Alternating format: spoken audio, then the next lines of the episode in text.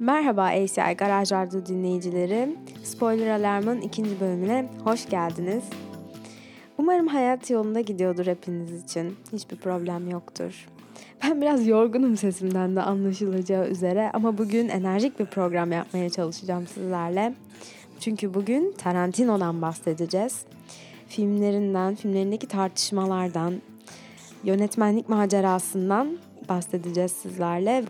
Ve tabii ki de filminde kullandığı müzikler bize eşlik ediyor olacak.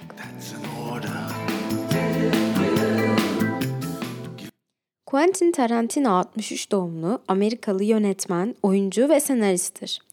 90'ların bağımsız sinema kuşağının en çok tanınan yönetmeni olan Tarantino abartılmış, bazen dalga geçilmiş şiddet sahneleri, non-liner yani doğrusal olmayan öykü akışı ve Amerikan film klişelerine getirdiği yeni soluklar ile tanınır.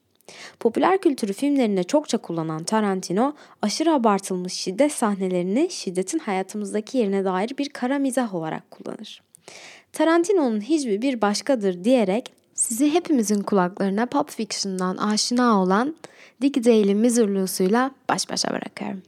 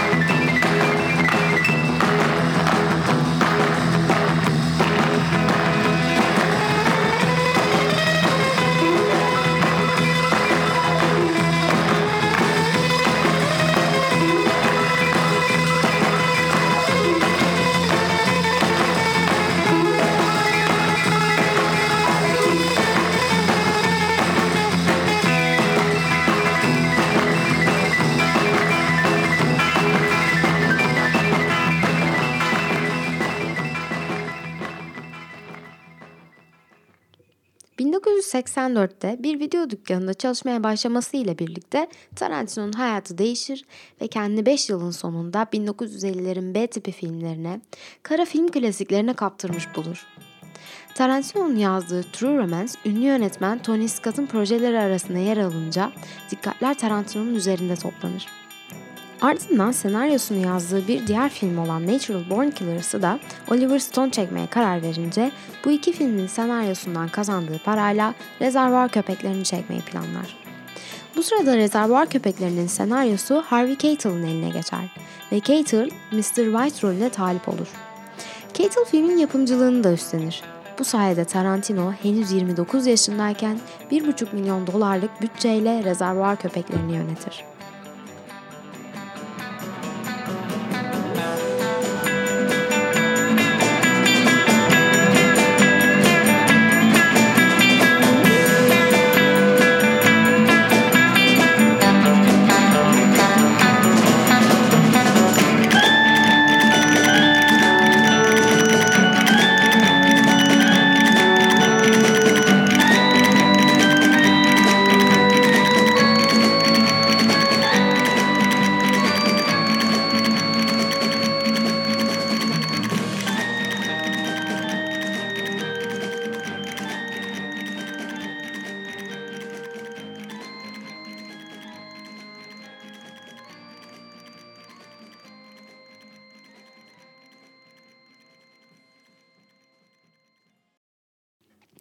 Tarantino'nun filmlerinde şiddet iktidarın dilinden değil, maruz kalanın dilinden anlatılır.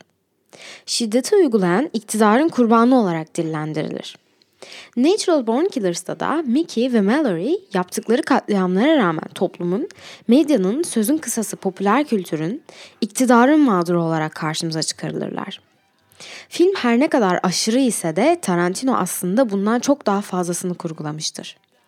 Oliver Stone'un çekmeye cesaret edemediği, kendi çekiminden sonra edit aşamasında kırpmak zorunda kaldığı pek çok sahne vardır.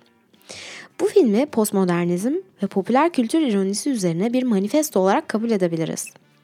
Bunun en büyük ipuçlarını filmin trajik olay background'unu sitcom halinde yönetmen bizi gülme efektlerine boğarken görürüz. Sahnenin sonlarına doğru yüzümüzde bir gülümseme ile izlediğimizi fark ederiz o trajik sahneleri.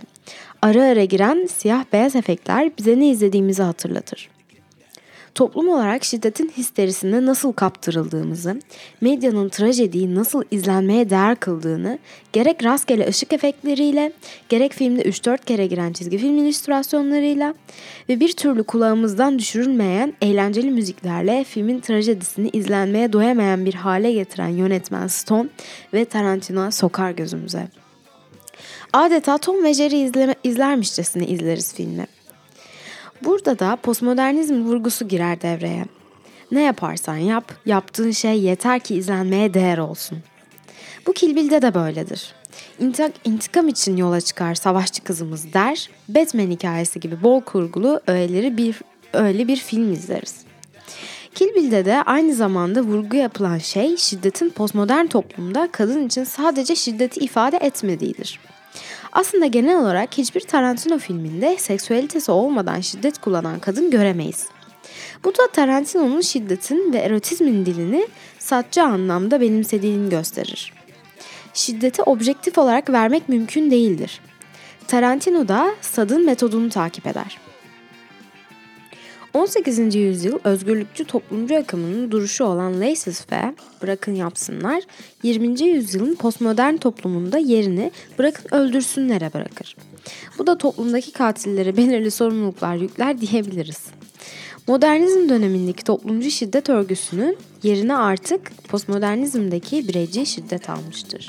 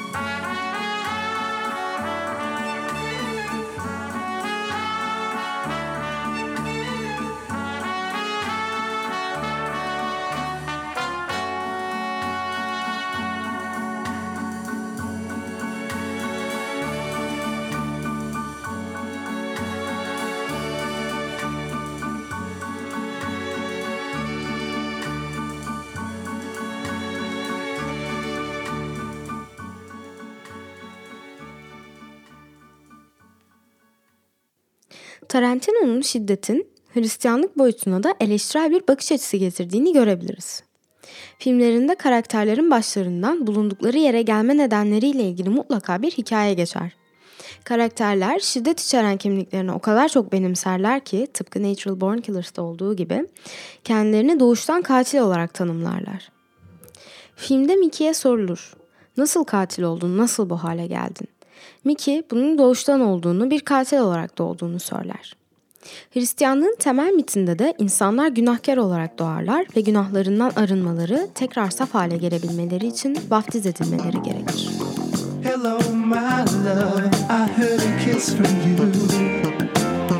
Red magic satin playing near too. All through the morning rain I gave, the sun doesn't shine.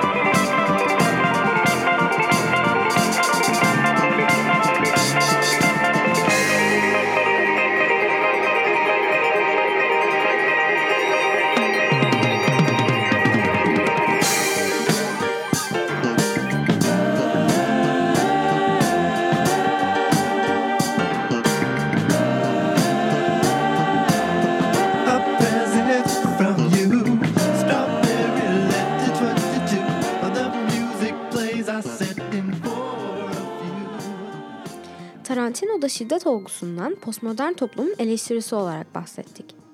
Peki bu eleştiriler neden bu kadar Amerikan kültürüne odaklı? Postmodern şiddete verilebilecek en iyi örnek 91 yılında Körfez Savaşı'nın televizyonlarda canlı verilmesidir. Toplum artık gerçek şiddeti görsel halde tek bir ekrandan izleyebilir. İsterse tek bir tuşla görmezden gelebilir hale gelir. En büyük şiddet olayları, savaşlar bile medyatikleştirilir üstünden reyting pazarlıkları döner.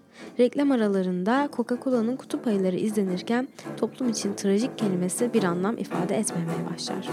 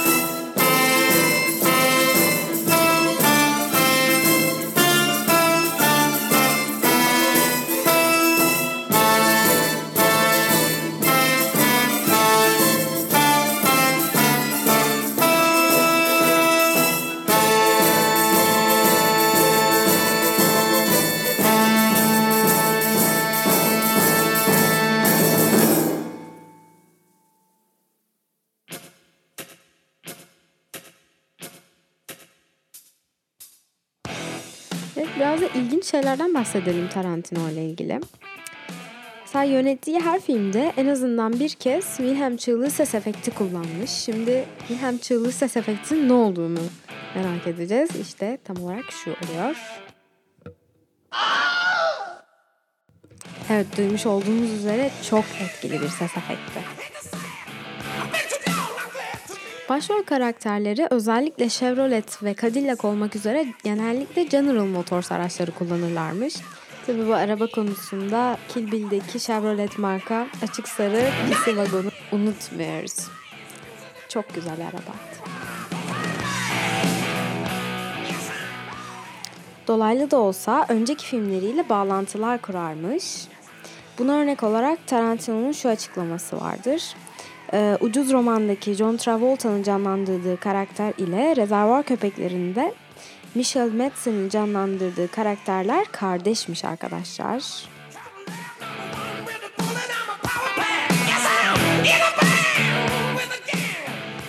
Tarantino ürün yerleştirme konusundaki titizliği ile bilinir.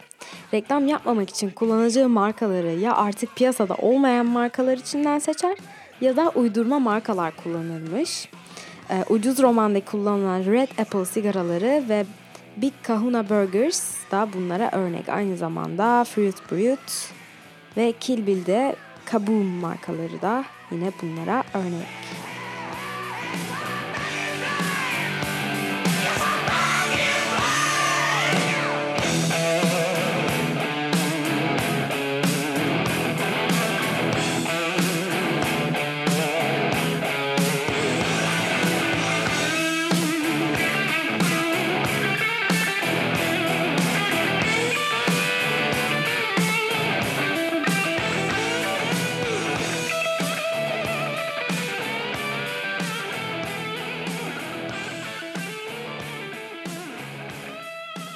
Evet arkadaşlar programımız burada bitmiş bulunuyor ve ben de bitmiş bulunuyorum. Ama bizden ayrılmayın. Tarantino'nun filmlerinde kullandığı müziklerle devam edeceğiz. when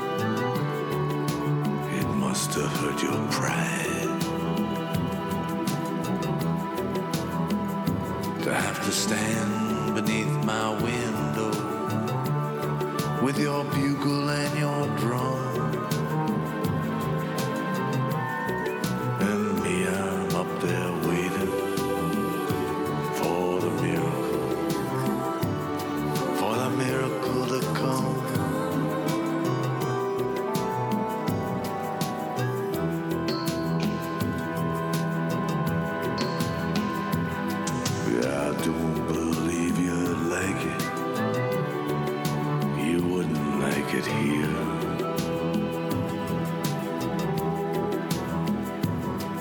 There ain't no entertainment, and the judgments are severe. The maestro says it's Mozart, but it sounds like bubblegum.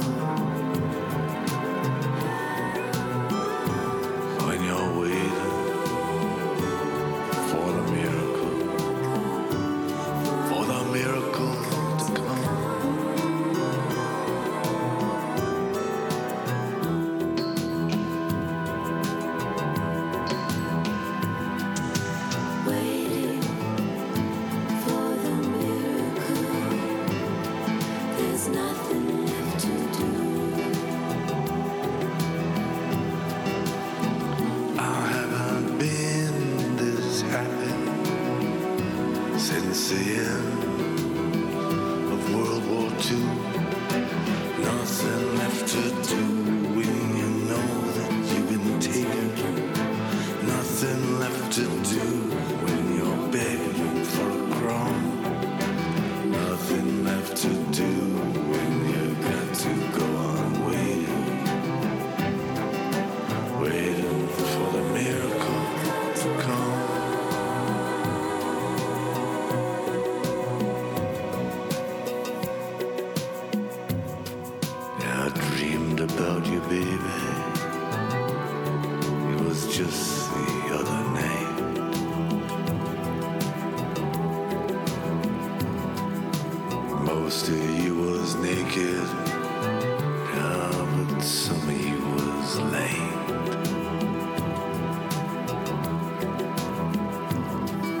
the sands of time are falling from your fingers and your thumbs.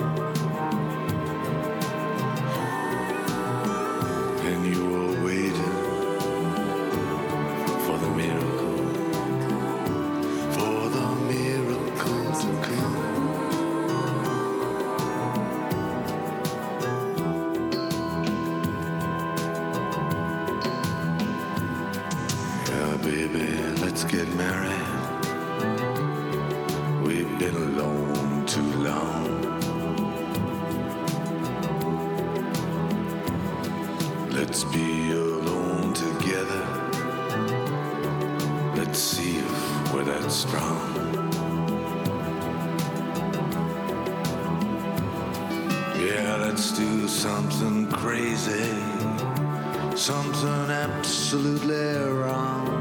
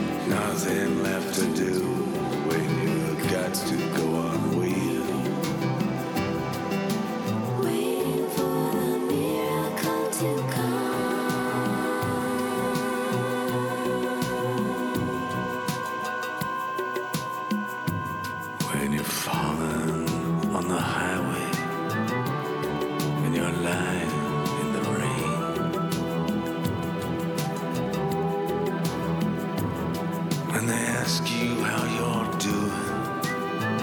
Of course, you say you can't complain. If you're squeezed for information, that's when you got to play it dumb. You just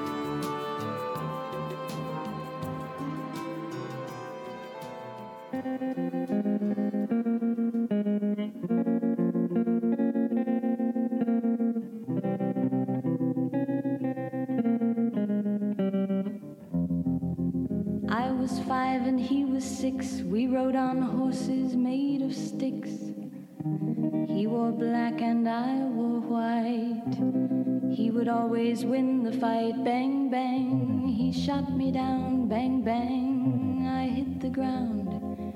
Bang, bang. That awful sound. Bang, bang. My baby shot me down.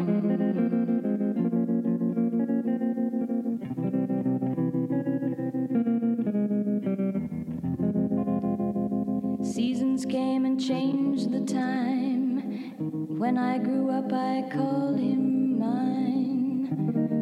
He would always laugh and say, Remember when we used to play? Bang, bang.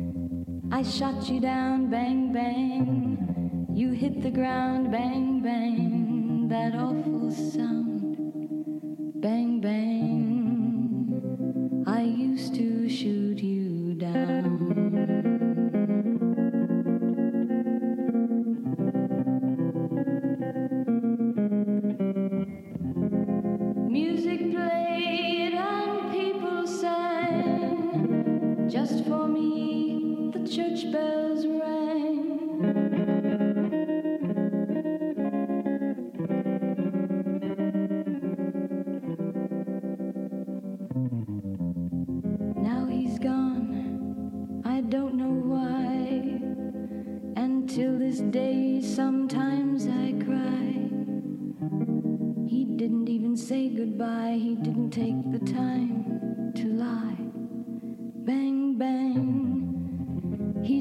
me down.